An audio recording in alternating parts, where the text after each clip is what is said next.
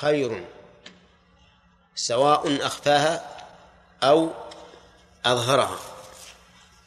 لقوله إن تبدوا الصدقات فنعماه وإن تخفوها وتؤتوها الفقراء فهو خير لكم. ومنها أن الإصرار بالصدقة أفضل.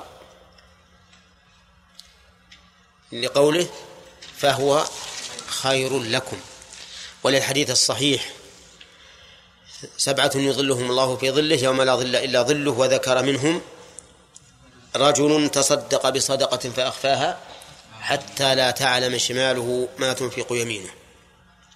ولكن قد يكون في الإظهار خير يرجح على الإصرار. كما لو كان هذا الفقير طلب منا أن نعينه ونساعده فأظهرت الصدقة عليه من أجل أن يقتدي بك الناس. فهذا يكون خيرا. ومن فوائد الآية الكريمة تفاضل الأعمال أن بعض الأعمال أفضل من بعض. بقوله فهو خير لكم. وتفاضل الأعمال يستلزم تفاضل العامل. أليس كذلك؟ نعم. لأن الإنسان يشرف بعمله ويفضل بعمله. وتفاضل الأعمال يستلزم زيادة الإيمان لأن الإيمان قول وعمل. فإذا تفاضلت الأعمال تفاضل الإيمان. وهذا كله دليل على مذهب أهل السنة والجماعة وهو تفاضل الأعمال والعمال. وقد ذكرنا فيما سبق أن سبب فضل أن لأسباب فضل العمل ها؟ أن له أسبابا ستة أظن أو سبعة. نعم مرت علينا سابقا فراجعوها. فهنا فيه تفاضل الأعمال الذي يستلزم تفاضل الإيمان. وأهل السنة والجماعة يؤمنون بأن الإيمان يزيد وينقص كما سيأتي إن شاء الله تعالى في العقيدة. ومن فوائد الآية الكريمة أن الصدقة سبب لتكفير السيئات. لقوله ونكفر عنكم من سيئاتكم. ها؟ قراءة. نكفر عنكم من سيئاتكم. ويشهد لهذا أيضا بل يؤيده يؤيده قول النبي صلى الله عليه وسلم الصدقة تطفئ الخطيئة كما يطفئ الماء النار وصلاة الرجل في جوف الليل ثم تلا تتجافى جنوبهم عن المضاجع. ومن فوائد الآية الكريمة إثبات أفعال الله الاختيارية كما هو مذهب أهل السنة والجماعة ومعنى الاختيارية التي يفعلها بمشيئته وإرادته وليس المعنى أن الله تعالى قد يكره العمل لا. لقوله ونكفر عنكم من سيئاتكم. ومن فوائد الآية بيان آثار الذنوب وأنها تسوء العبد لقوله من سيئاتكم ومنها إثبات الاسم لله عز وجل الخبير وإثبات ما دل عليه من صفة. ومنها تحذير العبد من المخالفة لقوله والله بما تعملون خبير. فإن إخباره إيانا بذلك يستلزم أن نخشى من خبرته عز وجل فلا يفقدنا حيث أمرنا ولا يرانا حيث نهانا. ثم قال الله تعالى ليس عليك هداهم. الخطاب هنا للرسول صلى الله عليه وسلم. ليس عليك هداهم. هداهم الضمير يعود على على بني آدم. والهدى هنا المنفي هدى التوفيق. وأما هدى البيان فهو على الرسول عليه الصلاة والسلام. لقوله تعالى يا أيها الرسول بلغ ما أنزل إليك من ربك ولقوله تعالى إن عليك إلا البلاغ نعم. وقال تعالى فذكر إنما أنت مذكر لست عليهم بمسيطر فإنما عليك البلاغ وعلينا الحساب. إلى آخر إلى آيات كثيرة تدل على أن على الرسول صلى الله عليه وسلم أن يهدي الناس هداية الدلالة والإرشاد. أما هداية التوفيق فليست على الرسول ولا إلى الرسول. لا يجب عليه أن يهديهم وليس وليس بقدرته واستطاعته أن يهديهم. ولو كان بقدرته أن يهديهم لهدى عمه أبا طالب ولكنه لا يستطيع ذلك. لأن هذا إلى الله تعالى وحده. وإذا كان ليس عليه هداهم فمن الذي يتولى ذلك؟ استمع. قال ولكن الله يهدي من يشاء. ولكن الله يهدي من يشاء. هداية دلالة وإرشاد ولا هداية توفيق؟ أه؟ نعم جميعا. جميعا لكن أنصها هداية التوفيق لأنها جاءت بعد نفي الهداية من الرسول عليه الصلاة والسلام يعني. هم ولكن الله يهدي من يشاء لما بين الله عز وجل أحوال المتصدقين وأحوال المرابين وأن الله سبحانه وتعالى آه، يحب أن يتصدق العبد لما يتضمنه صدقته من المعروف والإحسان. قال قال للنبي صلى الله عليه وسلم ليس عليك هداهم ولكن الله يهدي من يشاء. والآيات السابقة ليس فيها تعرض للربا لكن فيها تعرض للإنفاق وعدم الإنفاق. الإنفاق والبخل والربا سيأتي إن شاء الله فيما بعد. قال الله تعالى ليس عليك هداهم الخطاب للنبي صلى الله عليه وسلم والهدى الذي نفى الله عنه نفى الله وجوبه على رسوله محمد صلى الله عليه وسلم هو هدى التوفيق. فإن الرسول صلى الله عليه وسلم لا يلزم بأن يهتدي الناس إنما يلزمه البلاغ. أما اهتداء الناس فهو إلى الله ولهذا قال ولكن الله يهدي من يشاء. وأما هداهم الذي بمعنى إبلاغ الرسالة إليهم وإبلاغ الوحي الوحي فإنه واجب على الرسول صلى الله عليه وسلم. يا أيها الرسول بلغ ما أنزل إليك من ربك. لكن هدى التوفيق ليس إلى الرسول عليه الصلاة والسلام. ولكن الله يهدي من يشاء. يعني ولكن الهداية على الله عز وجل. كما قال تعالى إن علينا للهدى وإن لنا للآخرة والأولى. فالله سبحانه وتعالى هو الذي يهدي من يشاء ويهدي هداية توفيق وهداية إرشاد وبيان. فالله عز وجل هو الذي يبين لخلقه ويوفق من شاء من خلقه للهداية. وقوله من يشاء مر علينا كثيرا. بأن إطلاق الفعل بالم... بأن تعليق الفعل بالمشيئة أو تقييد الفعل بالمشيئة مربوط بماذا؟ بالحكمة. لأن الله تعالى لا يشاء شيئا إلا والحكمة تقتضي مشيئته. وعلى هذا فيكون يهدي من يشاء ممن هو أهل للهداية. ممن هو أهل للهداية. كما قال الله تعالى الله أعلم حيث يجعل رسالته أما من ليس أهلا للهداية فإن الله تعالى لا يهديه لأنها حقت عليه كلمة العذاب ولأنه زاغ فأزاغ الله قلبه. قال وما تنفقوا من خير فلأنفسكم. وليس لله عز وجل فالله تعالى لا ينتفع به. ما تنفقوا من خير فلأنفسكم تقدمونه. وما لا تنفقونه فقد حرمتم أنفسكم. قول ما تنفقوا من خير ما هذه؟ شرطية. بدليل اقتران الجواب بالفاء في قوله فلأنفسكم. وقوله من خير بيان لما الشرطية لأن ما الشرطية مبهمة تحتاج إلى بيان. يعني أي خير تنفقونه فلأنفسكم. وما المراد بالخير؟ الخير كل ما بذل لوجه الله عز وجل من مال أو منفعة وأغلب ما يكون في الأموال ولكن قد يكون في المنافع أيضا. وقوله فلأنفسكم ألف رابطة للجواب والجار ومجرور خبر مبتدأ محذوف والتقدير فهو لأنفسكم يعني وليس لغيركم.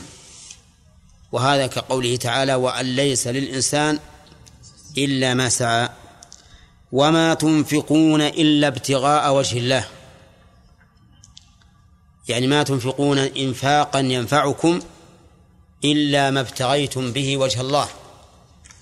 فأما ما ابتغي به سوى الله فلا ينفع صاحبه بل هو خسارة عليه. وقوله إلا ابتغاء أي طلب وقوله ابتغاء وجه الله المراد به الوجه الحقيقي.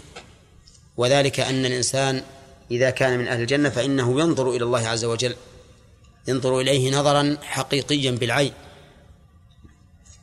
كما قال الله تعالى وجوه يومئذ ناظرة إلى ربها ناظرة وكما قال النبي صلى الله عليه وسلم إنكم ترون ربكم كما ترون القمر ليلة البدر إذن إلا طلب وجه الله أي وجهه الحقيقي الذي هو صفته.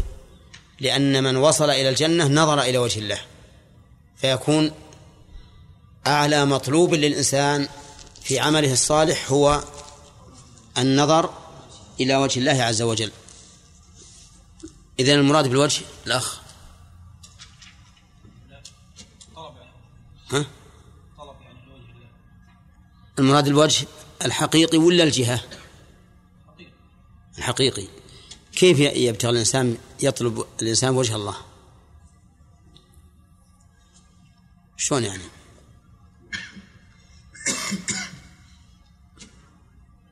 نعم.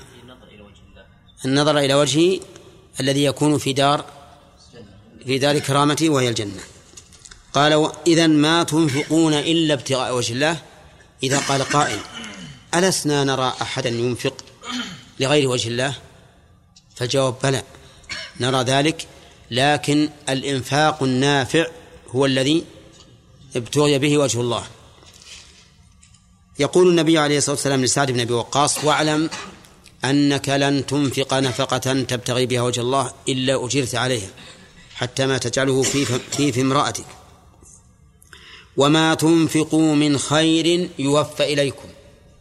ما هذه أيضا شرطية بدليل جزم الجواب يوفى فإنه مجزوم بحذف حرف العلة وهي الألف.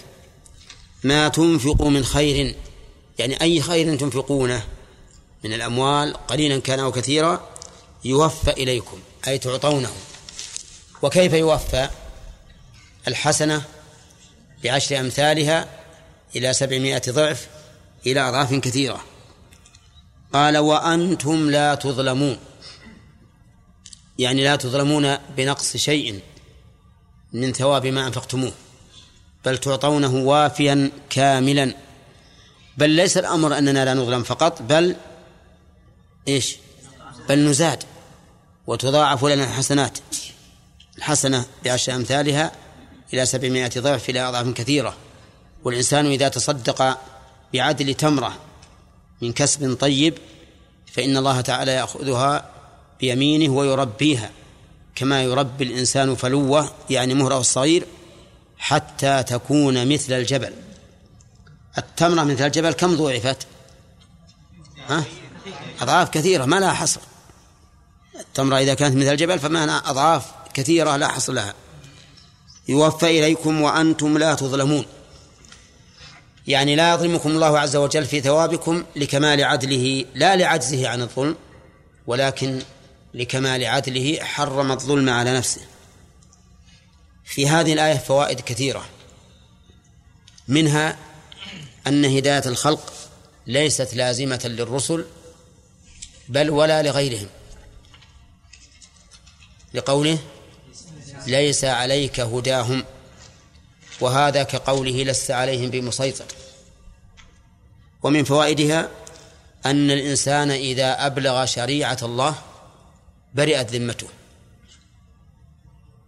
لقوله ليس عليك هداهم. ولو كان ولو كانت ذمته لا تبرأ لكان ملزما بأن يهتدوا. وهذا ليس ليس عليه.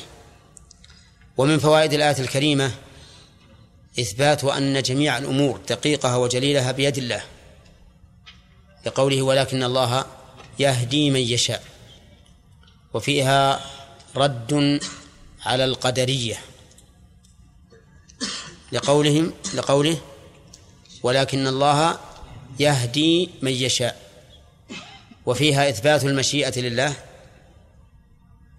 لقوله من يشاء وفيها أيضا أن أفعال العبد واقعة بمشيئة الله لأن اهتداء العبد فعله فإذا كان واقعا بمشيئة الله فهو دليل على أن أفعال العباد مقرونة متعلقة بمشيئة الله. ومن فوائد الآية الكريمة أن أعمال الإنسان لا لا تنصرف إلى غيره. قوله وما تنفقوا من خير فلأنفسكم. هل يستفاد من الآية أن ثواب الأعمال الصالحة لا ينفع؟ لقوله وما تنفقوا من خير فلأنفسكم. فجعل ما ينفقه الإنسان من الخير لنفسه يعني فلا يتعداه إلى غيره. نعم. الجواب لا. لكنها تبين أن ما عمله الإنسان فهو حق له. ولا ولا تدل على منع أن يتصدق الإنسان على غيره بعمله. ولهذا جاءت السنة صريحة بجواز الصدقة عن الميت كما ثبت ذلك في صحيح البخاري في قصة الرجل الذي قال يا رسول الله إن أمي افتلتت نفسها وأظنها لو تكلمت لتصدقت أفأتصدق عنها؟ قال نعم. وكذلك حديث سعد بن عبادة تصدق بمخرافه أي ببستانه تصدق به لأمه. إذن فالآية لا تدل على منع الصدقة عن الغير وإنما تدل على أن ما عمله الإنسان لا يصرف إلى غيره. ومن فوائد الآية الكريمة أن الإنفاق الذي لا يبتغى به وجه الله لا ينفع العبد. لقوله وما تنفقون إلا ابتغاء وجه الله. ومن فوائدها التنبيه على الإخلاص أن يكون الإنسان مخلصا لله تعالى في كل عمله حتى في الإنفاق وبذل المال ينبغي له أن يكون مخلصا فيه. لقوله وما تنفقون إلا ابتغاء وجه الله. الإنفاق قد يحمل عليه محبة الظهور ومحبة الثناء وأن يقال فلان كريم وأن تتجه الأنظار إليه ولكن كل هذا لا ينفع. لا ينفع إلا ما ابتغي به وجه الله. وفيه إثبات وجه الله عز وجل لقوله إلا ابتغاء وجه الله وأهل السنة والجماعة يقولون إن لله تعالى وجها حقيقيا موصوفا بالجلال والإكرام وأنه من الصفات الذاتية إيش؟ الخبرية. والذاتية الخبرية هي التي لم يزل ولا زال متصفا بها ونظير مسماها أبعاض وأجزاء لنا. ولكن ما نقول إنه أبعض اجزاء لله لأنه لا ينبغي هذا الاطلاق إطلاق هذا اللفظ على صفات الله عز وجل. أهل التعطيل ينكرون أن يكون لله وجه حقيقيا ويقولون المراد بالوجه الثواب أو الجهة أو نحو ذلك وهذا تحريف منهم لظاهر اللفظ مخالف له أي لظاهر اللفظ ولإجماع السلف على أن لله تعالى وجها حقيقيا. ولأن الثواب لا يوصف بالجلال والإكرام والله تعالى قد وصف وجهه بالجلال والإكرام. فقال ويبقى وجه ربك ذو الجلال والإكرام. طيب ومن فوائد الآية الكريمة أن الإنسان لا ينقص من عمله شيء. لقوله وما تنفقوا من خير يوفى إليكم. ومن فوائدها الإشارة إلى أن الإنفاق من الحرام لا يقبل. من قوله من خير ووجهه أن الحرام ليس بخير بل هو شر. ومن فوائد الآية الكريمة إثبات ومن فوائدها نفي الظلم في جزاء الله عز وجل.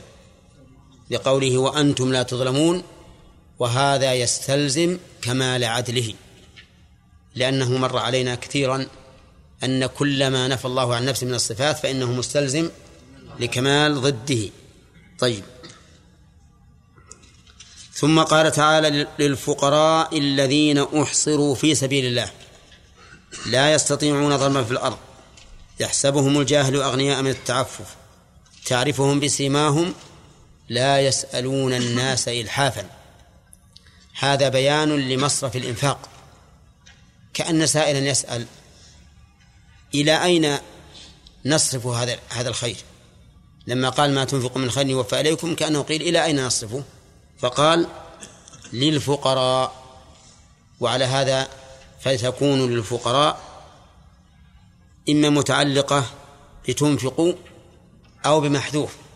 تقديره الإنفاق أو الصدقات للفقراء.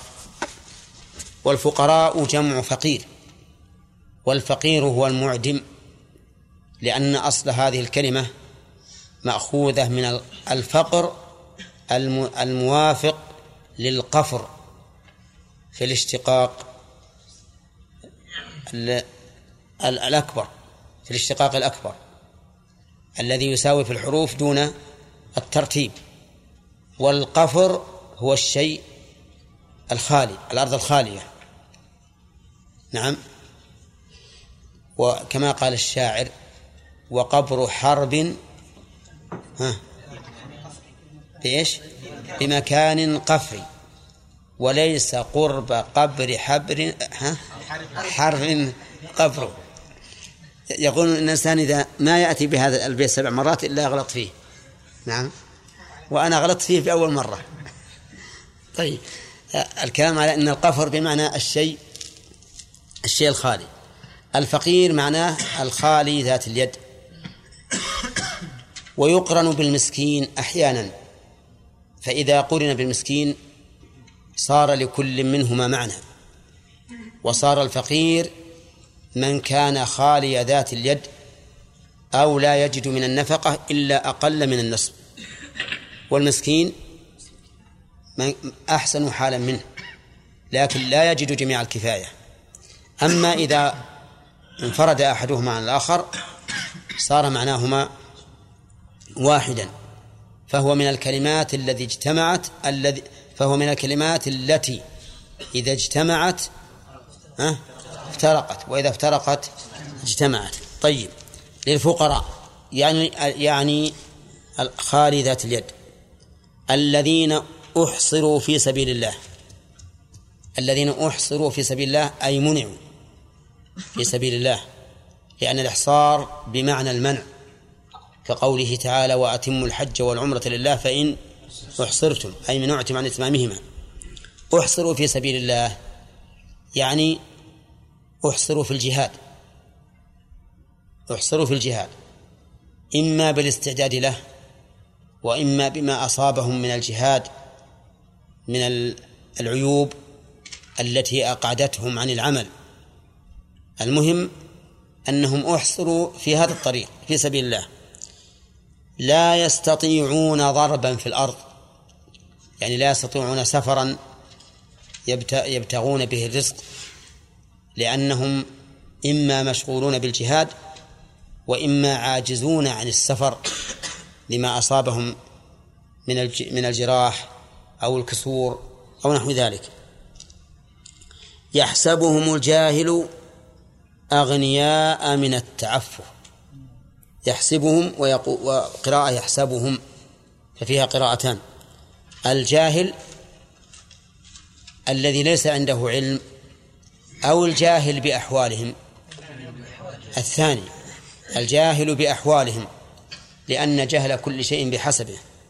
الجاهل بأحوالهم الذي لا يعرفهم يحسبهم أغنياء. من أي شيء؟ قال من التعفف أي بسبب تعففهم وعدم سؤالهم. يحسبهم الجاهل أغنياء. لأنك إذا رأيتهم ظننتهم أغنياء مع أنهم فقراء. وهذا كقول النبي عليه الصلاة والسلام ليس المسكين الطواف الذي ترده اللقمة واللقمتان ولكن المسكين الذي يتعفف لا يفطن له فيتصدق عليه فيتصدق عليه ولا يسأل الناس. هذا هو المسكين حقيقة. لكنك إذا رأيته تقول هذا غني لا يظهر بمثل الفقراء أبدا لا في هيئته ولا في لباسه. وقول من التعفف يعني العفة عن ما في أيدي الناس. وكلمة التعفف. قد يقول قائل إن ظاهرها تكلف العفة لأن تعفف ليست كعف. عف أي صار عفيفا. تعفف أي تكلف العفة. هكذا قيل ولكن الصواب خلاف ذلك. بل الصواب أن التاء هنا للمبالغة وليست للتكلف والطلب بل المعنى أنك تحسبهم أغنياء لكمال عفتهم فلا يسألون الناس. قال لا يسألون الناس إل... نعم. تعرفهم بسيماهم. تعرفهم بسيماهم. في الأول يقول يحسبهم الجاهل أغنياء. والحسبان بحسب ظاهر الحال. وأما تعرفهم بسيماهم فهو بمقتضى الفراسة والنظر والتدقيق. وكثير من الناس يكون عنده من الفراسة ودقة النظر ما يعرف به الأحوال الباطنة. فهؤلاء إذا رأيتهم عرفتهم بسيماهم طيب السيما بمعنى العلامة لقول النبي عليه الصلاة والسلام إنكم تدعون يوم القيامة غرا محجلين من أثر الوضوء سيما ليست لغيركم. يعني علامة ليست لغيركم. بسيماهم أي بعلامتهم. وش العلامة اللي فيهم؟ العلامة هي أن الإنسان إذا رآهم ظنهم أغنياء وإذا دقق في حالهم تبين لهم أنهم فقراء لكنهم متعففون. وكم من إنسان يأتيك بمظهر الفقير المدقع ثياب ممزقة وشعر منفوش وجه كالح وأنين ونين طنين وإذا أمعنت النظر فيه عرفت أنه غني. وكم من إنسان بالعكس يأتيك بالزيج الغني بهيئة الإنسان المنتصر على نفسه الذي لا يحتاج إلى أحد لكن إذا دققت في حاله علمت أنه أنه فقير. وهذا يعرفه من من الله عليه بالفراسة. وكثير من الناس يعطيهم الله تعالى علما بالفراسة يعلمون أحوال الإنسان بملامح وجهه ونظراته وكذلك بعض عباراته. كما قال تعالى ولا تعرفنهم في لحن القول قال تعرفهم بسماهم لا يسألون الناس إلحافا. الإلحاف هو الإلحاف في المسألة. الإلحاح في المسألة. قوله لا يسألون الناس إلحافا. هل النفي للقيد ولا للقيد والمقيد؟ إن نظرنا إلى ظاهر اللفظ فإن النفي للقيد. يعني لا يسألون الناس سؤال إلحاف. ولكن يسألونهم سؤال تلطف وحياء وخجل إذا رده المسؤول مرة ما عاد إليه مرة أخرى. هذا مقتضى إيش؟ مقتضى ظاهر اللفظ.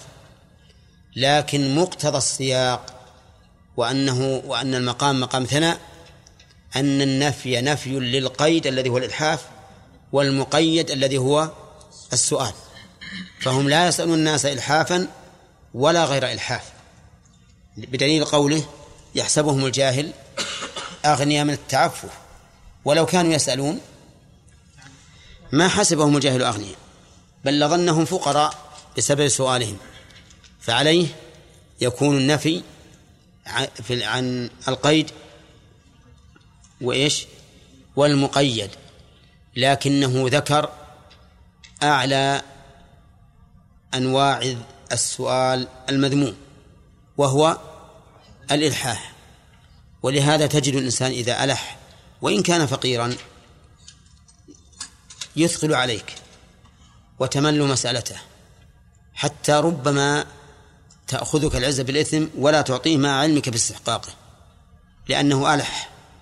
وتجد الإنسان الذي يظهر بمظهر الغني المتعفف تجدك ترق له وتعطيه أكثر مما تعطي السائل. هذه خمس صفات. قال الذين أحصروا في سبيل الله لا يستطيعون ضربا في الأرض. يحسبهم الجاهل أغنياء من التعفف. تعرفهم بسيماهم لا يسألون الناس إلحافا. هذه خمس والسادسة الفقراء. فهؤلاء هم المستحقون حقا للصدقة والإنفاق. وإذا تخلفت صفة من الصفات فالاستحقاق باق لكن ليس كما إذا تمت هذه الصفات الست. طيب في الآية الكريمة عدة فوائد. نعم. طيب ونكمل الآية. وما, وما تنفقوا من خير فإن الله به عليم. هذه الجملة جملة شرطية. ذجلت بها الآية المبينة لأهل الاستحقاق. حثا على الإنفاق. لأنه إذا كان إذا كان الله عليما بأي خير ننفقه فسيجازينا عليه. الحسنة بعشر أمثالها إلى سبعمائة ضعف إلى أضعاف كثيرة. فتأمل ما في هذه الآيات من ظهور الحث على الإنفاق وأن الإنفاق هذا كله مقيد بالخير ومقيد بأهله الذين يستحقونه. ففي الآية بيان من يستحق الإنفاق الاستحقاق الكامل وهم الفقراء الموصوفون بهذه الصفات الخمس الخمس لأن قلنا هم الفقراء. الموصوفون بهذه الصفات الخمس التي ارتكزت على الفقر. طيب من فوائد الآية الكريمة أن تشاغل الإنسان بعمل يعد من سبيل الله يبيح أن نعطيه وننفق عليه. فلو تشاغل القادر على الكسب بطلب العلم فإننا نعطيه حتى من الصدقة الواجبة ليتفرغ لطلب لطلب العلم. ولو تفرغ إنسان للجهاد في سبيل الله. الجهاد في سبيل الله. أعطيناه ولا لا؟ نعم أعطيناه. ولو من الصدقة الواجبة. طيب لو تفرغ الإنسان للعبادة فإن ذلك فإنه لا يعطى إلا من الصدقة المستحبة. أما من الزكاة فلا يعطى لأنه تفرغ لنفع قاصر لا يتعداه. وفرق بين النفع القاصر والنفع العام. ومن فوائد الآية الكريمة أنه لا ينبغي أن نعطي بل لا يجوز أن نعطي من يستطيع التكسب. لقوله لا يستطيعون ضربا في الأرض. فإنه علم منه أنهم إذا كانوا يستطيعون ضربا في الأرض والتكسب فإنهم لا يعطون. ولهذا لما جاء رجلان إلى الرسول صلى الله عليه وسلم يسألان الصدقة صعد فيهما النظر وصوبه ثم قال إن شئتما أعطيتكما ولا حظ فيها لغني ولا لقوي مكتسب. فإذا كان الإنسان يستطيع ضرب في الأرض والتجارة والتكسب فإنه لا يعطى لأنه وإن كان فقيرا بماله لكنه ليس فقيرا بعمله. ومن فوائد الآية الكريمة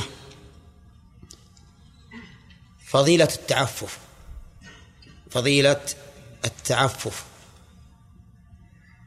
لقوله يحسبهم الجاهل أغنياء من التعفف. ومنها التنبيه على أنه ينبغي للإنسان أن يكون فطنا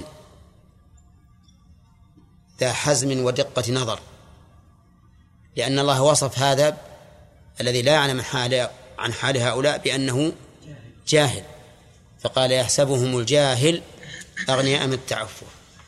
فينبغي للإنسان أن يكون ذا فطنة وحزم ونظر في الأمور. ومن فوائد الآية الكريمة إثبات الأسباب. لقوله من التعفف فإن فإن من هنا للسببية أي بسبب تعففهم يظن الجاهل بحالهم أنهم أغنياء. ومن فوائد الآية الكريمة الإشارة إلى الفراسة والفطنة لقوله تعرفهم بسيماهم فإن السيمة هي العلامة التي لا يطلع عليها إلا ذو الفراسة. وكم من إنسان سليم القلب ليس عنده فراسة ولا بعد نظر يخدع بأدنى سبب. وكم من إنسان عنده قوة فراسة وحزم ونظر في العواقب يحميه الله تعالى بفراسته عن أشياء كثيرة. ومن فوائد الآية الكريمة الثناء على من لا يسأل الناس. لقوله لا يسألون الناس إلحافا. وقد كان من جملة ما بايع النبي صلى الله عليه وسلم عليه أصحابه أن لا يسألوا الناس شيئا حتى إن الرجل لا يسقط صوته من على بعيره فينزل ويأخذه ولا يقول لأخيه أعطني إياه. كل هذا بعدا عن السؤال. والسؤال لغير ضرورة سؤال المال لغير ضرورة محرم. إلا إذا علمنا أن المسؤول يفرح بذلك ويسر كما لو سأل إنسان صديقا له يعرف أنه يكون ممتنا بهذا السؤال فإن ذلك لا بأس به. وقد قال النبي عليه الصلاة والسلام في اللحم الذي على البرمة قال هو لبريرة صدقة ولنا منها هدية. فإذا علمت أن صاحبك يسر بسؤالك الشيء ويفرح ولولا أنك سألته لأهداه إليك مثلا فلا بأس أن تسأل ولكن ترك السؤال أسلم. لأنه من ذا الذي يتأكد بيقين أن صاحبه يحب أن يسأله؟ ومن فوائد الآية الكريمة عموم علم الله لقوله تعالى وما تنفق من خير وهذه عامة. أي خير يكون فإن الله به عليم. ففيه بيان علم الله بيان عموم علم الله وأنه شامل لما يعمله الإنسان ولما يفعله الله عز وجل بنفسه. ثم قال تعالى مثنيا على المنفقين قال الذين ينفقون أموالهم بالليل والنهار سرا وعلانية فلهم أجرهم عند ربهم. الذين مبتدأ وجملة فلهم أجرهم خبر المبتدأ واقترنت بالفاء لشبه لشبه المبتدأ بالشرط في العموم. لأن المبتدأ هنا اسم موصول والاسم الموصول يشبه الشرط في العموم. قال الذين ينفقون أموالهم يحتمل أن يقال أن يراد بالأموال هنا كل الأموال ويحتمل أن يراد الجنس فيشمل الكل والبعض. وقوله بالليل والنهار هذا فيه عموم الزمن. سرا وعلانية فيه عموم الأحوال. يعني على كل حال وفي كل زمن. وقوله سرا أي خفاء وهو مفعول مطلق لينفقون يعني إنفاقا سرا وعلانية يعني جهرا. وفي تقديم السر على العلانية والجهر والليل على النهار دليل على أن الصدقة كلما كانت أخفى فهي أفضل. وأولى. ولكن قد تكون علانية أفضل إذا ترتب على ذلك مصلحة.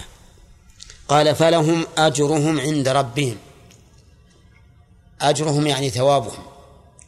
عند الله مدخرا يجدونه أحوج ما يكونون إليه. وهذا. الأجر قد بين فيما سبق بأن الذين ينفقون أموالهم في سبيل الله كمثل حبة أنبت السبع سنابل في كل سنبلة ما تحبه والله يضاعف لمن يشاء. قال و ولا خوف عليهم ولا هم يحزنون. لا خوف عليهم فيما يستقبل ولا هم يحزنون. فيما مضى. فهم لا يحزنون على ما سبق ولا يخافون من المستقبل لأنهم يرجون ثواب الله عز وجل ولا يحزنون على ما مضى لأنهم أنفقوه عن طيب نفس. طيب في الآية الكريمة دليل في ثناء على الذين ينفقون أموالهم في سبيل الله.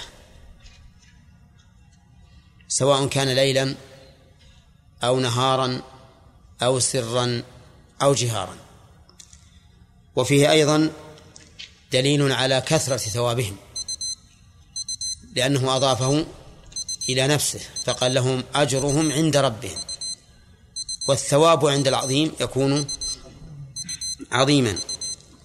ومن فوائده أن الآية أن الإنفاق يكون سببا لشرح الصدر وطرد الهم والغم لقوله لا خوف عليهم ولا هم يحزنون. وهذا أمر مجرب مشاهد. أن الإنسان إذا أنفق نفقة يبتغي بها وجه الله انشرح صدره وسرت نفسه واطمأن قلبه. وقد ذكر ابن القيم رحمه الله ذلك من أسباب انشراح الصدر ذكره في زاد المعاد. ومن فوائد الآية الكريمة بيان عظم العطية. لقوله لهم أجرهم عند ربهم لأن عظم المعطي يستلزم عظم العطية ومنها أيضا كرم الله عز وجل حيث جعل هذا الثواب الذي سببه منه وإليه جعله أجرا لفاعله. يؤجر عليه كالأجير إذا استأجرته فإن أجره ثابت لازم. ونقف على هذا لأنه البحث الآتي مهم. نعم.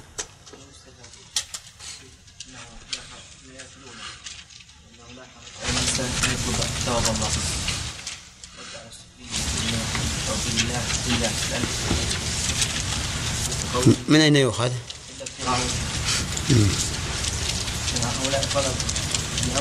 لا أخاف هذا يكون دليل لهم. أخاف يكون حجة لهم. يقول ما تنفقون إلا ابتغاء وجه الله. ما تبون الثواب. أي هم يقول نعم. أنت إذا عملت لله نفسه هذا لا بأس. نعم. ما يمكن نقول إن من؟ الآية إن من تبعيضية أي من بعض الأموال وين فيه؟ ما تنفقون من خير. وما تنفقون من خير. إيه؟ نعم. لا هي الأحسن أن تكون بيانية لأن ما إذا جاءت من بعد ما الشرطية أو الموصولة فهي بيانية. إيه قاعدة نعم. قاعدة نعم. للفقراء تعلق بمحذوف. خبر مبتدا محذوف. التقدير الإنفاق للفقراء. نعم. ما تكون متعلقة أن تنفقوا إذا كان لنا فيها احتمال لهذا ولهذا. نعم.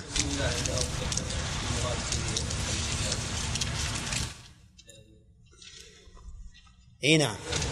إذا أطلق فالمراد به قتال الأعداء. هذا هو هو الصحيح. نعم. شيخ قلتم أنه يجوز أن يعطى لطالب العلم والمجاهد من الصدقه الواجبة. فالدليل بالنسبة للمجاهد واضح في آية نعم. وهذه الآية هو طالب العلم طالب العلم مجاهد في سبيل الله. لأن الجهاد في سبيل الله يشمل الجهاد بالسلاح والجهاد بالعلم. بل إن الجهاد بالعلم أشق لأن الجهاد بالعلم سلاح للمنافقين. المنافق ما تقدر تقاتله أو تجاهده بالسلاح. لكن بالحجة والبيان. فالسلاح بالعلم أعم وأشمل لأنه يجاهد به المنافق ويجاهد به الكافر ويجاهد به الفاسق العاصي المسلم بخلاف الجهاد في السلاح.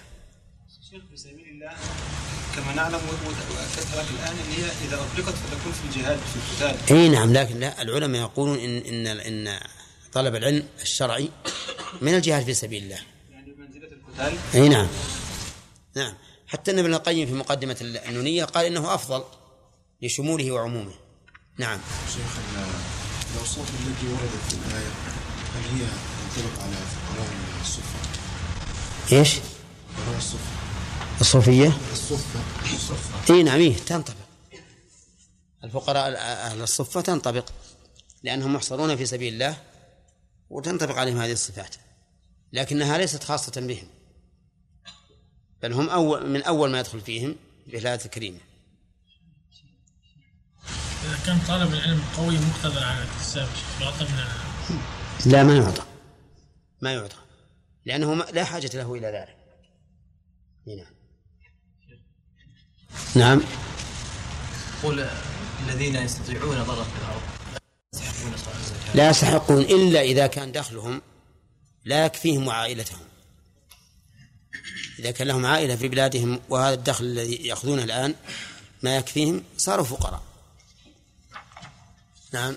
من فقراء الصفة؟ إيش؟ فقراء الصفة الصفة. هؤلاء قوم مهاجرون. ليس لهم أهل في المدينة. وقد جعل النبي عليه الصلاة والسلام لهم صفة في المسجد يأون إليها. فيأتون فقراء. لا معهم زاد ولا مزاد ولا لهم أهل ولا شيء. فهم في هذا المكان يتصدق عليهم المسلمون. لا لا هذا في عهد الرسول عليه الصلاة والسلام. الآن ما هم موجودين. نعم. تعرف المسلمان هذا ما خاص بالرسول صلى الله عليه وسلم. لا. هذا الخطاب عام لكل من يتأتى من الخطاب. يعني تعرفهم أيها الناظر بسيماهم. الشيطان الرجيم. قال الله تبارك وتعالى الذين يأكلون الربا لا يقومون إلا كما يقوم الذي يتخبطه الشيطان من المس. ها؟ في الآية التي قبلها يقول الله عز وجل الذين ينفقون أموالهم بالليل والنهار سرا وعلانية فلهم أجرهم عند ربهم ولا خوف عليهم ولا هم يحزنون. أظن كملنا وأخذنا الفوائد. نعم. طيب ذكرنا من فوائدها أن تقديم الليل والسر على النهار والعلانية يشعر بأنه كلما كانت الصدقة أخفى فهي أفضل. ولكننا ذكرنا أنه قد تكون العلانية أفضل بحسب الحال. طيب وذكرنا من فوائدها أيضا أن هؤلاء الذين ينفقون أموالهم سرا وعلانية لا يخافون في المستقبل ولا يحزنون على الماضي فلا يخافون في المستقبل من ظلم أو هضم ولا يحزنون عن الماضي لأن على الماضي لأنهم استغلوا الماضي وأنفقوا مما رزقهم الله عز وجل سرا وعلانية. ومن فوائد الآية أن إنفاق الإنسان من غير ماله لا أجر فيه لقولها الذين ينفقون أموالهم ويشمل هذا الوكيل فلا يتبرع من مال موكله والولي فلا يتبرع من مال موليه فلا يتبرع من مال موليه ويشمل ذلك الغاصب فلا يتبرع من المال المغصوب. وكل هؤلاء إن فعلوا فليس لهم أجر. ولكن لو أن أحدا اكتسب مالا محرما ولم يعلم صاحبه ثم تاب فماذا يصنع؟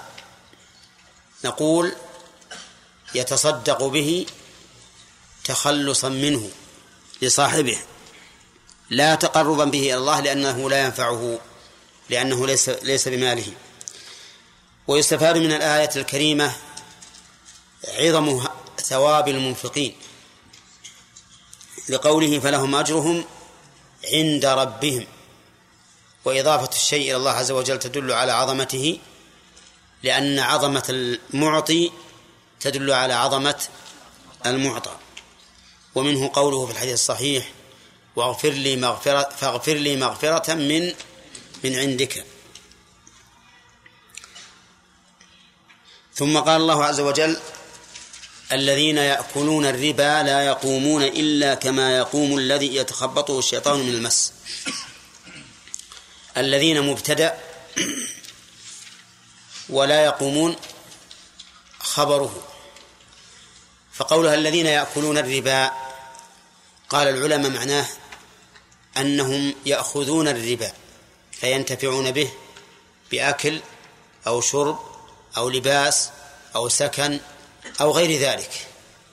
لكنه ذكر الأكل لأنه أعم وجوه الانتفاع وأكثر وجوه الانتفاع فهو أعمها وأكثرها. كل الناس يتكسبون ولا ينتفعون من مالهم إلا ما أكلوا أو لبسوا. ليس لك من مالك إلا ما أكلت فأفنيت أو تصدقت فأمضيت أو لبست فأبليت. وقولها الربا الربا لغة الزيادة. ومنه قوله تعالى فإذا أنزلنا عليها الماء اهتزت وربت أي زادت. ومنه ربى الشيء أي على وارتفع وزاد وهو في الأصل وهو في الشرع زيادة في شيئين منع الشارع من التفاضل بينهما. هذا واحد. أو تأخير قبض بين شيئين اشترط الشارع التقابض فيهما. إذن هو إما زيادة وإما تأخير. ولهذا يقولون إن الربا ربا نسيئة وربا فضل. ربا النسيئة أعظم من ربا الفضل. ثم الربا هل هو في كل شيء؟ لا ليس في كل شيء. يجوز أن أبيع عليك كتابا بكتابين وثوبا بثوبين وبعيرا ببعيرين وسيارة بسيارتين وبيتا ببيتين. كذا ورجلا برجلين وامرأة بامرأتين. صح؟ صح في الرقيق. هنا نعم، في الرقيق. لكن الربا إنما يكون في أشياء معينة. بينها النبي عليه الصلاة والسلام في قوله الذهب بالذهب والفضة بالفضة والبر بالبر والشعير بالشعير. والتمر بالتمر والملح بالملح. قال مثلا بمثل سواء بسواء يدا بيد. فإذا اختلفت هذه الأصناف فبيعوا كيف شئتم إذا كان يدا بيد. كم هي؟ عدها يا خليل.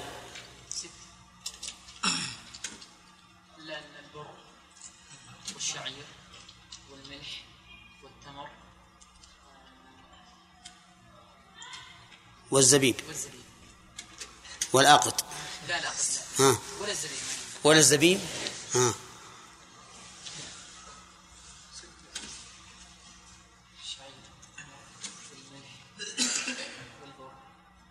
خالد. الذهب. نعم. الذهب والفضة ها. طيب امشي. ها. نعم. نعم. نعم. نعم. والشعير. كذا قال النبي صلى الله عليه وسلم احفظوا الحديث. الذهب بالذهب والفضة بالفضة والبر بالبر والشعير بالشعير والتمر بالتمر والملح بالملح. يعني إذا بيع هذا بهذا مثلا بمثل سواء بسواء يدا بيد. فإذا اختلفت هذه الأصناف فبيعوا كيف شئتم إذا كان يدا بيد. هذه هذه الأموال الربوية. هذه هي الأموال الربوية. فذهب بذهب لا بد فيه من أمرين. المساواة والقبض قبل التفرق. فضة بفضة لا بد فيها من أمرين. مساواة وقبض قبل التفرق. بر ببر لا بد فيه من أمرين المساواة والقبض قبل التفرق. شعير بشعير لا بد فيه من أمرين مساواة وقبض قبل التفرق. تمر بتم بتمر كذلك ملح بملح كذلك. شف يقول مثلا بمثل سواء بسواء يدا بيد. إذا اختلفت هذه الأصناف فبعت تمرا بشعير فبيعوا كيف شئتم إذا كان يدا بيد. طيب إذا بعت ذهبا بذهب يدا بيد لكن كيلو بكيلو وعشرة غرامات وش نوع الربا؟ ربا فضل زيادة. هذا في زيادة. بعت ذهبا بذهب سواء بسواء مع تأخير القبض. ربا هذا ربا. وسمى ربا نسيئة. طيب بعت ذهبا بذهب كيلو بكيلو عشرة غرامات مع تأخير القبض. ربا. ربا جامع بين الفضل والنسيئة. تمام ولا لا؟ طيب بعت مسجلا بمسجلين. ها؟ اصبر. بعت مسجلا. بمسجلين مع تأخير القبض يجوز؟ يجوز. يجوز. ليش؟ لأنه له بذهب. ولا فضة ولا بر ولا تمر ولا شعير ولا عقل ولا ملح. كذا؟ إذا يجوز. بعت بعيرا ببعيرين. يجوز. كان الرسول عليه الصلاة والسلام يستسلف البعير بالبعيرين إلى أبل الصدقة يجوز لأن هذا ليس من الأموال الربوية. إذن فليس الربا هو الزيادة في كل شيء. الزيادة في أشياء معينة خصها الشارع. ستة. عرفتم؟ طيب. بعت عليك ورقة بورقتين إلى أجل. ها ورقة. الصفصة إن كان عادية ها يعني ورقة قرطاس تكتب بها فهذا جائز. إن كان ورقة نقود فهذا لا يجوز. لا يجوز لأنها تلحق بالنقود. لا يجوز لأنها تلحق بالنقود. طيب. بعت عليك تفاحة كبيرة أبو صرة تفاحتين صغيرتين ما لهن صرة جائز؟ ها؟ جائز؟ ها؟ البرتقال ابو صره التفاح ما ابو صره أنا قلت تفاح بصرة لا لا لا. أنا إيه. هو على كل حال المثال يعني لكن أنا أريد برتقال بصرة إيه. يجوز ولا لا؟ يجوز. ليش؟ لأن هذا ما يدخل في الحديث. ما يدخل في الحديث. كذا؟ شف ذهب فضة بر تمر شعير ملح. هذا مهم منهم كله. إذا ما في معنى. كذا. طيب تفاحة بتفاحتين. كذلك يجوز لأنه لا يدخل في الحديث. يرى بعض العلماء أنه لا ربا إلا في هذه الستة وغير ذلك ما فيه ربا. يقول لأن الله أحل البيع وحرم الربا. والرسول صلى الله عليه وسلم قال الربا في هذه الأشياء. فلا ربا في غيرها. وهذا مذهب الظاهرية ومذهب بعض علماء القياس لأن علماء القياس الذين قالوا لا قياس في هذه المسألة قالوا لأن العلماء اختلفوا في العلة وليس ثمة دليل واضح يرجح أحد الأقوال فحينئذ تتعارض الأقوال وتتساقط. كما لو اختلف عليه في الصلاة من ينبهه. واحد لما قمت قال سبحان الله لما قعدت قال الثاني سبحان الله. وش يصير؟ تسقط أقوالهم تسقط أقوالهم وأرجع إلى ما عندي. طيب إذن نقول الربا في هذه الستة أمر معلوم لا شك فيه. قطعي بالنص والإجماع أيضا بالنص والإجماع. وما سوى ذلك فهو موضع. خلاف بين أهل العلم. طيب آه، أعطيتك دراهم. ما في سؤال الآن بارك الله فيك. ما يتع... ولو تعلق أجله حتى يأتي وقت السؤال. السؤال لو بعتك دراهم فضة عشرة ريالات فضة بأحد عشر ريالا مع القبض يجوز؟ وش الربا اللي فيه. ربا تفاضل. ربا تفاضل. أظن واضح الآن. طيب يقول الله عز وجل الذين يأكلون الربا. هناك ربا جامع بين النسيئة والتفاضل.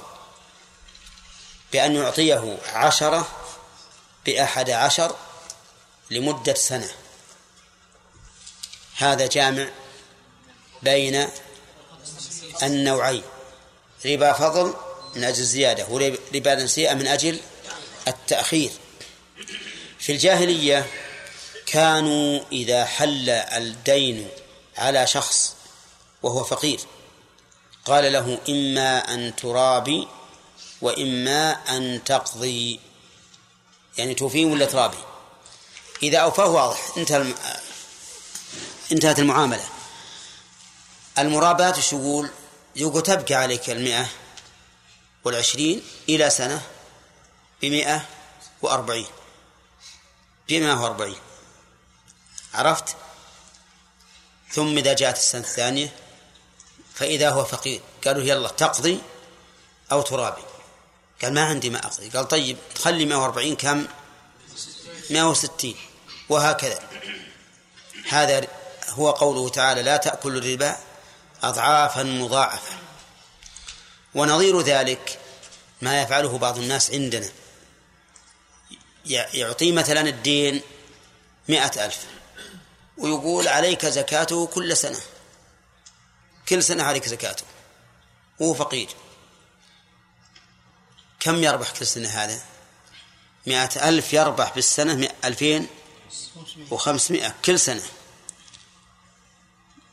أضعاف مضاعفة على هذا الفقير. أليس كذلك؟ إذن داخل في الربا. الذين يأكلون الربا يقول الله عز وجل لا يقومون إلا كما يقوم الذي يتخبطه الشيطان من المس. وقد اختلف المفسرون ما هذا القيام ومتى. فقال بعضهم وهم وهم الأكثر إنهم لا يقومون من قبورهم يوم القيامة إلا كما يقوم الذي يتخبطه الشيطان من المس. يعني كالمصروع الذي يتخبطه الشيطان. التخبط معناه الضرب العشوائي. ولهذا نقول للسيارة إذا صارت مهب زينة مخبطة نعم. ونقول هذا الرجل خبط عياله. يعني ضرب ضربا عشوائيا. فالشيطان يسلط على على بني آدم تسليطا عشوائيا فيصرعه يصرعه فيقومون هؤلاء من قبورهم يوم القيامة كالمصروعين كالمصروعين والعياذ بالله يشهدهم الناس كلهم. وهذا القول قول جمهور المفسرين وهو مروي عن عبد الله بن عباس رضي الله عنهما. القول الثاني لا يقومون يعني في الربا والتعامل به إلا كما يقوم المصروع لأنهم والعياذ بالله لشدة شغفهم بالربا. كأنما يتصرفون تصرف المتخبط الذي لا يشعر لأنهم سكارى بمحبة الربا وسكارى بما يربحونه وهم الخاسرون. من الربا. فيكون القيام هنا متى؟ في الدنيا شبه تصرفاتهم العشوائية الجنونية المبنية على هذه الربا العظيم الذي يتضخم المال عند الإنسان من كثرة الربا بإيش؟ بالإنسان المصروع الذي لا يعرف كيف يتصرف. تخبط. وهذا قول كثير من المتأخرين. وقالوا إن يوم القيامة هنا ليس له ذكر. ما في ذكر حتى نقول لا يقومون يوم القيامة. ولكن الله شبه حالهم بحال من؟ إيش؟ بحال المصروع بحال المصروع من شيء من من سوء تصرفهم. مجانين بس وين وين وين وين وين؟ يمشون لكل أحد نعم. وكلما كان الإنسان أشد فقرا كانوا له أشد ظلما. يجيهم واحد دسم. وش معنى دسم؟ يعني كثير الشحم؟ ها؟ يعني ماله لا بأس به. يستدين منهم يقول نعم نعطيك العشر 12 جاهم واحد فقير مئة من الجوع. قال دينون قالوا نعطيك العشر 18 وش الفرق؟ هذاك يرجون أنه يوفيهم. وذا؟ ها؟ ما يرجون أنهم يوفيهم. فقير يكثرون عليها الظلم لفقره بينما ان حاله تقتضي الرأفة والتخفيف.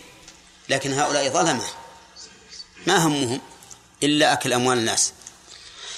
فيقول لا يقومون إلا كما يقوم الذي يتخبطه الشيطان من المس. طيب اختلف الآن المفسرون في معنى القيام ومتى هو لكنهم لم يختلفوا في قوله يتخبطه الشيطان من المس. يعني متفقون على أن الشيطان يتخبط الإنسان. من المس يعني بالمس بالجنون. وهذا أمر مشاهد. أن الإنسان أن الشيطان يصرع بني آدم. يصرعه. وربما يقتله. نسأل الله العافية. يصرعه ويبدأ يتخبط. ويتكلم وهو لا يتكلم. الإنسان نفسه مو بيتكلم يتكلم اللي فيه الصارع. وهذا قد جاءت به السنة في سند جيد رواه الإمام أحمد في مسنده. أن الرسول عليه الصلاة والسلام مر بامرأة ولها ابن يسرع فقرأ عليه فشوفي هذا الابن؟ وقال له اخرج عدو الله فإني رسول الله. وهذا سنده جيد في المسند وغيره أيضا. ثم إن الواقع يشهد بذلك. الواقع يشهد بذلك. فكثير من المصروعين يؤتى بهم إلى أحد من الناس الذي يقرأ وعنده عزيمة جيدة يخاطب الجني يقول وش السبب إنه؟ ليش؟ وأحيانا علم الجن يقول السبب كذا وكذا وكذا. ويشترط الجن شروط.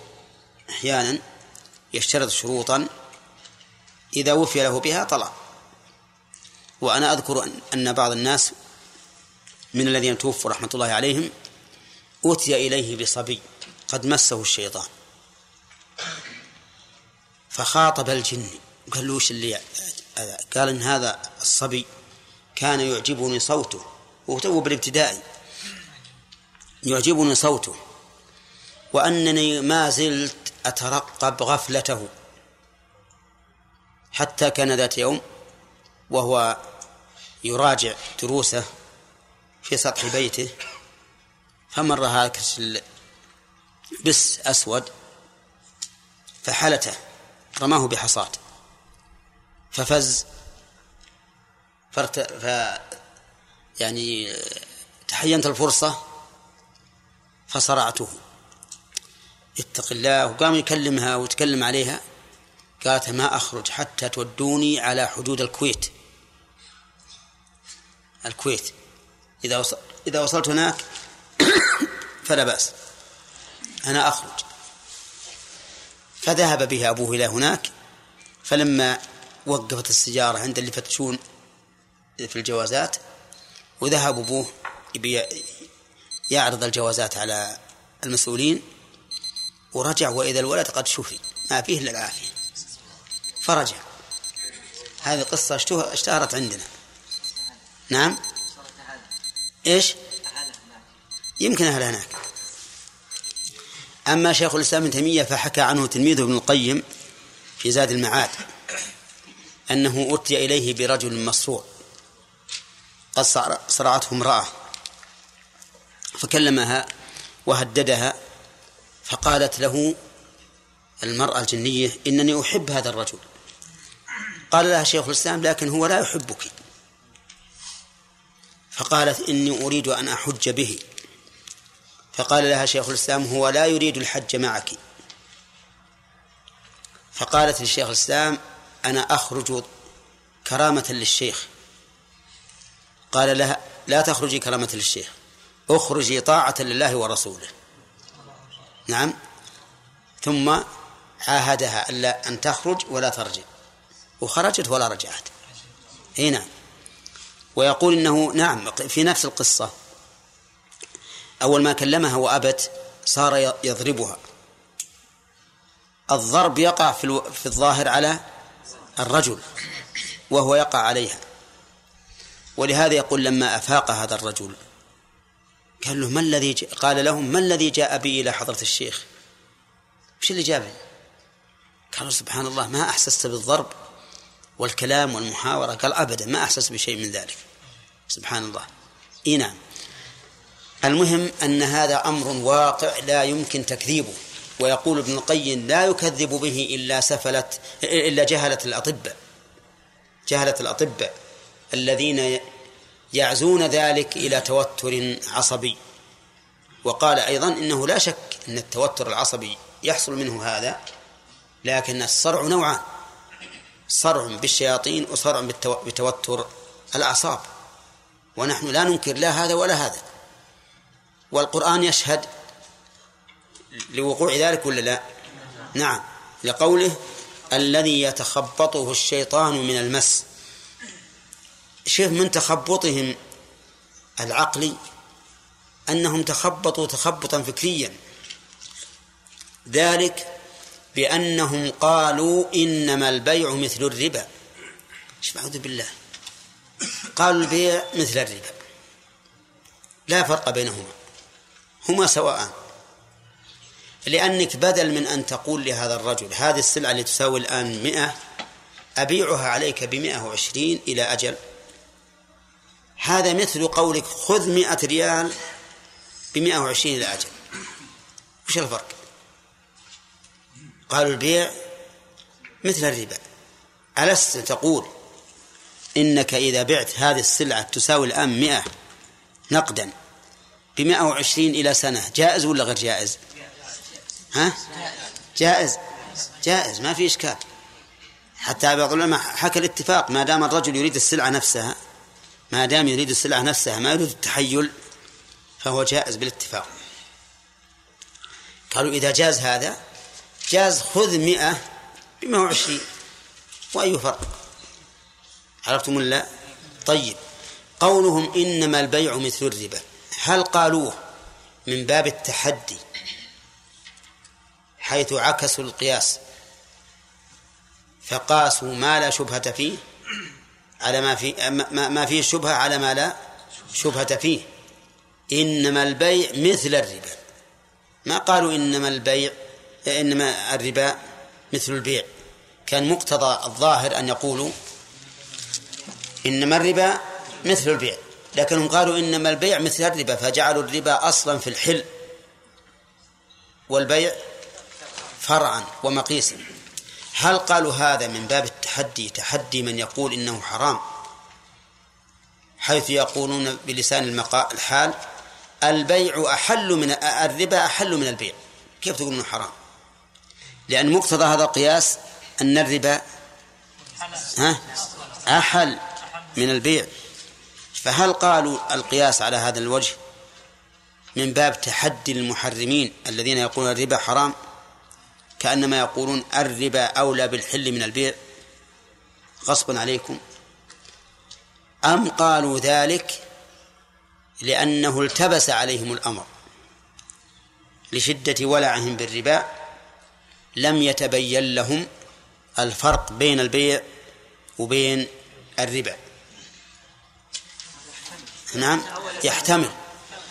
أما البلاغيون فقالوا إن هذا من باب القياس المقلوب من باب القياس المقلوب أو التشبيه المقلوب. وأن الصواب إنما الربا مثل يعني الأصل وأن الأصل إنما الربا مثل البيع. لكن قلبوا التشبيه ادعاء منهم أن وجه الشبه في المشبه به أظهر من وجه الشبه أن وجه الشبه في المشبه أظهر منه في المشبه به. ولكن لا يبعد أنهم قالوا ذلك من باب التحدي. يعني أنتم تقولون الربا حلال حرام ونحن نقول الربا أحل من البيع. أحل من البيع. هذا ما نقوله. ويكون الأمر قد التبس عليهم واقترن هذا أيضا بالتحدي لمن يحرمون. طيب شوف هل بينهما فرق؟ بينهما فرق. الفرق أوضحه الله بقوله وأحل الله البيع وحرم الربا. فإن قال قائل هذا فرق بالحكم وهو الذي فيه الدعوة والخصومة. أحل الله البيع وحرم الربا. هم يقولون أيضا أحل الربا. فيقال إن الله أشار إلى الفرق العظيم بينهما. فكون الله أحل هذا وحرم هذا دليل على أن بينهما فرقا لأنه لا يمكن لشيئين يفترقان في الحكم إلا وبينهما فرق في العلة والسبب لأن الشرع لا لا يساوي بين مفترقين ولا يفرق بين متماثلين. فيكون الله عز وجل هنا قد أبطل قولهم إنما البيع مثل الربا وبين أن بينهما فرقا. عرفناه من أي طريق؟ من طريق اختلافهما في الحكم. فإذا اختلف في الحكم لازم أن يختلفا في إيش؟ في الحقيقة والعلة. في الحقيقة والعلة. واضح يا جماعة؟ فإذا هنا نقول إن الله تعالى ذكر الفرق بينهما. وجهه ها؟ أن الله فرق بينهما في الحكم. وإذا افترقا في الحكم لازم أن يفترقا في, الحك... في الحقيقة والعلة. واضح؟ وهو كذلك. فإنه لا يخفى على أحد أن الإنسان إذا باع السلعة التي تساوي 100 ب 120 أن هذا بيع محض. وأنا ما أبدلت ربويا بربوي وإنما بعت سلعة بثمن مؤجل ومن المعلوم بفطر جميع عقول الناس أو بفطر عقول وعقول جميع الناس أن هناك فرقا بين الثمن المعجل والثمن المؤجل. أليس بينهما فرقا؟ أليس بينهما فرق؟ هذا الصواب. نقول بلى. الله تعالى الذين يأكلون الربا لا يقومون إلا كما يقوم الذي يتخبطه الشيطان من المس. أين خبر المبتدأ في قوله الذين يأكلون الربا؟ خالد.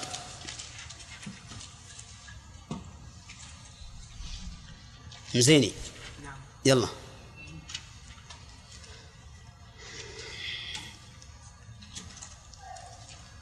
نعم. الفرق الحكمي الشرعي. ليس هو الفرق الحكمي الشرعي بل هو فرق معنوي دل عليه الفرق الشرعي. عرفت؟ وأظن هذا واضح. وهذا أبلغ من أن نقول إن الفرق بينهما فرق حكمي شرعي. لأن هذا الفرق الحكم الشرعي لا بد أن يكون مبنيا على فرق معنوي. وهو واضح. طيب أظن كنا نتكلم على الأموال الربوية. لأن نود نحب أن نبسط القول في هذا من أجل أن يتبين الحكم الشرعي في الربا ذكرنا أن الأموال الربوية نص عليها الشرع وأنها يا مصطفى كم؟ ستة أنواع. ما هي؟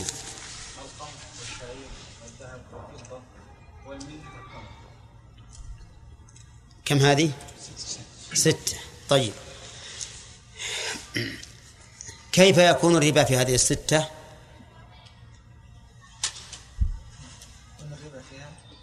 أجناس فلا ربا فيه أصلا. واضحة غانم طيب.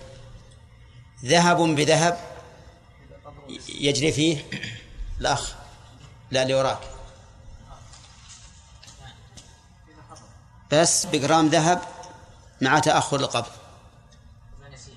طيب. بيع جرام ذهب بجرامين مع تأخر القبض. صح. توافقون على هذا؟ أي نعم. طيب. بيع ذهب بفضة. ما الذي يجري فيه من الربا؟ أي أنواع الربا يجري؟ ها؟ فلا ربا. ربا ذهب. بيع ذهب بفضة.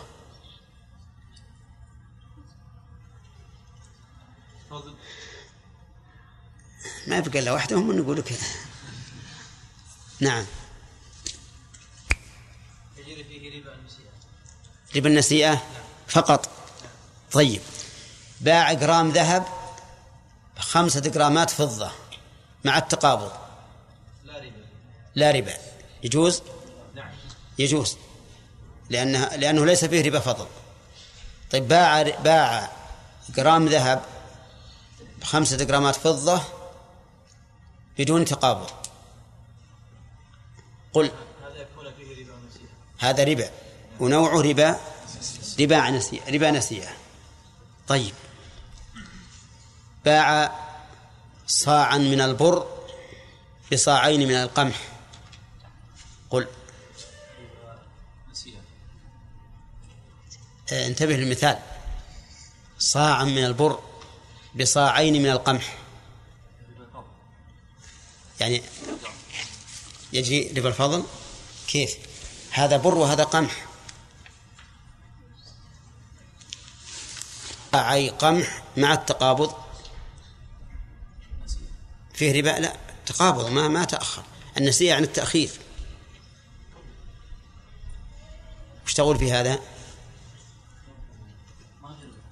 ما في باع صاع بر بصاعي شعير صاعي شعير مع التقابض. شو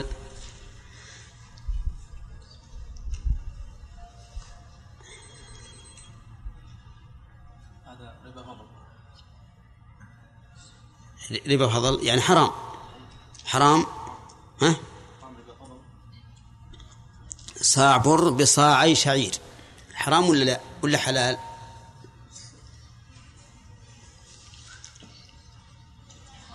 جاعة يمكن صاع الذهب بصاع بر؟ يمكن ولا لا؟ نسأل الله أن يحمينا. يمكن يصير. ها؟ طيب. لأن الذهب العلة فيه الثمنية والوزن وذاك العلة فيه الكيل والطعم. الكيل والطعم. فهمت يا؟ طيب. بقي عندنا المثال الرابع على حسب ما شرحناه. باع بعيرا ببعيرين إلى أجل يا طلال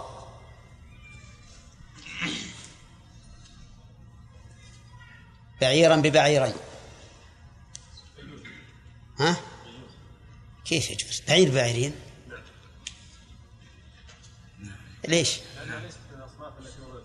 صحيح. لأنها ليست من الأصناف الربوية. كذا. والأصل الحل وأحل الله البيع. ولأنه أيضا قد ورد في حديث عبد الله بن عمرو بن العاص بإسناد حسن أن الرسول أمره أن يجهز جيشا فكان يأخذ البعير بالبعيرين والبعيرين بالثلاثة إلى إبل الصدقة. طيب إذا باع صاع بر طيب يا عادل بصاعي بر رديء مع التقابل. صاع بر طيب يساوي عشرة. بصاعي بر رديء تساوي عشرة. كل قيمة واحدة. ها؟ وش تقولون؟ يقول إنه لا يجوز. ما نوع الربا هذا؟ ربا فضل طيب هل عندك دليل؟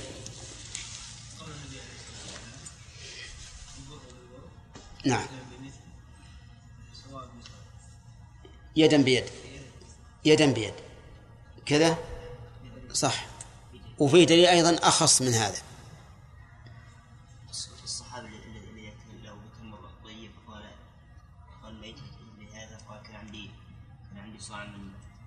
كان عندي صاع من تمر رديء فبعته بصاعين جيد.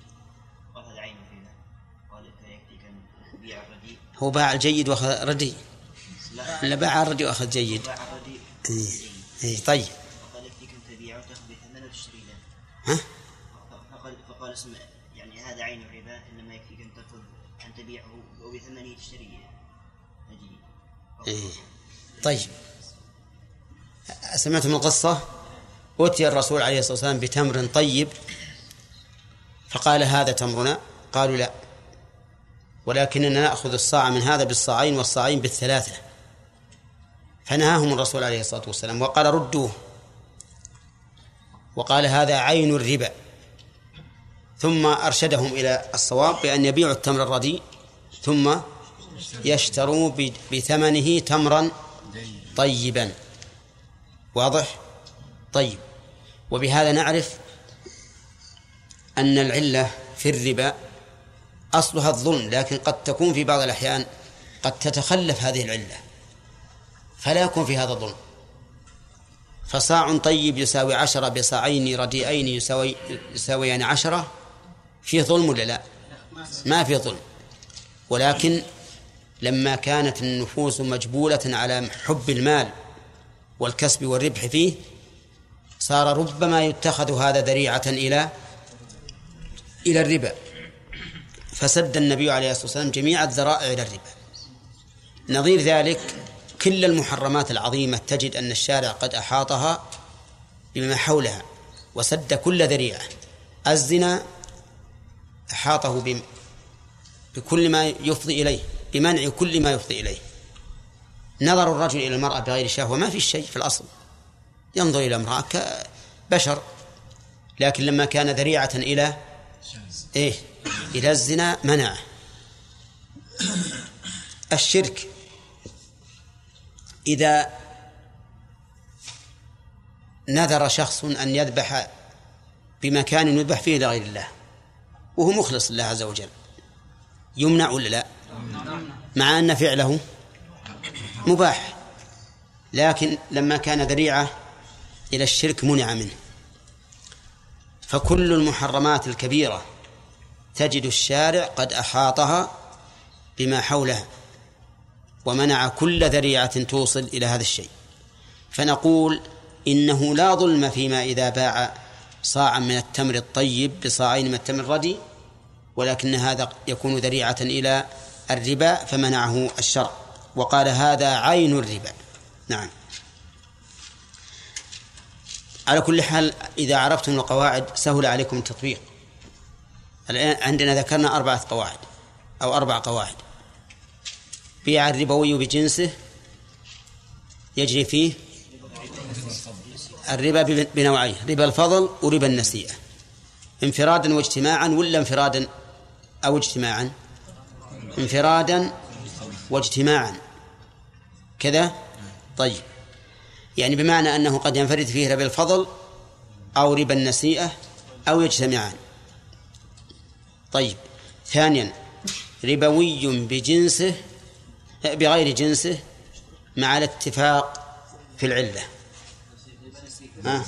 يجري فيه ربا النسيئة فقط دون ربا الفضل. أي أنه يجوز بيع بعضه ببعض متفاضلا لكن بشرط إيش؟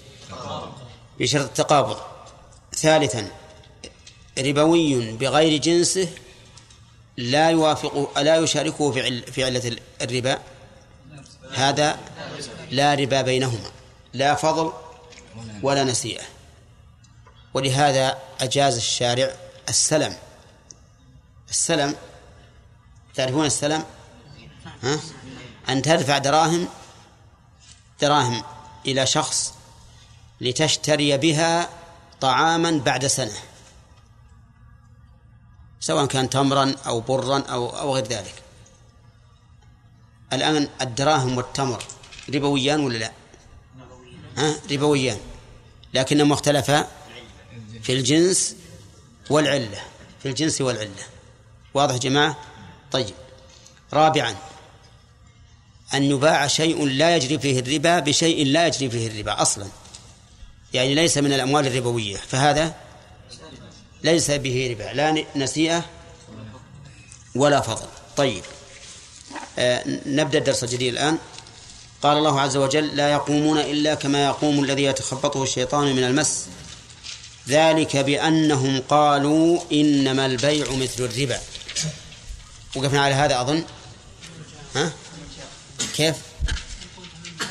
وأحل الله البيع وحرم الربا. قال الله تعالى فمن جاءه موعظة من ربه فانتهى فله ما سلف. من؟ شرطية. وفعل الشرط جاء وجواب الشرط فله ما سلف. فله ما سلف.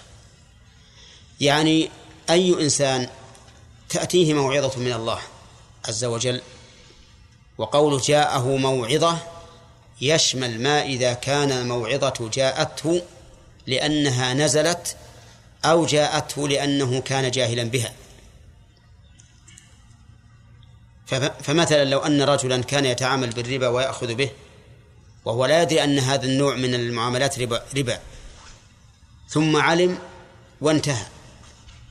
فالربا السابق يكون حلالا له.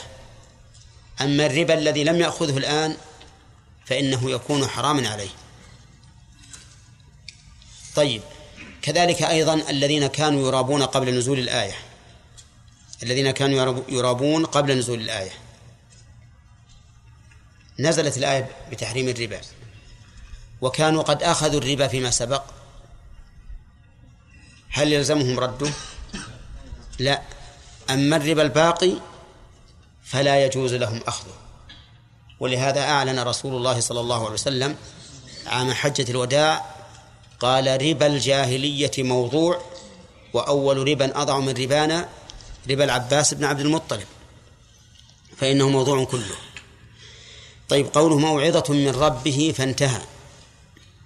الموعظة ما يحصل به الاتعاظ ما يحصل به الاتعاظ والذي يحصل به الاتعاظ نوعان. شرعي وكوني. أما الشرعي فهو ما جاءت به الرسل. قال الله تعالى في القرآن الكريم يا أيها الناس قد جاءتكم موعظة من ربكم وشفاء لما في الصدور. وأما الكوني فما يجريه الله عز وجل من الكوارث كالزلازل والفيضانات والجدب وغير ذلك. دليله قوله تعالى في في قرية أصحاب السبت فجعلناها نكالا لما بين يديها وما خلفها وش بعد؟ وموعظة للمتقين. إذن فمواعظ الله إما آيات كونية وإما آيات شرعية. وكثير من الناس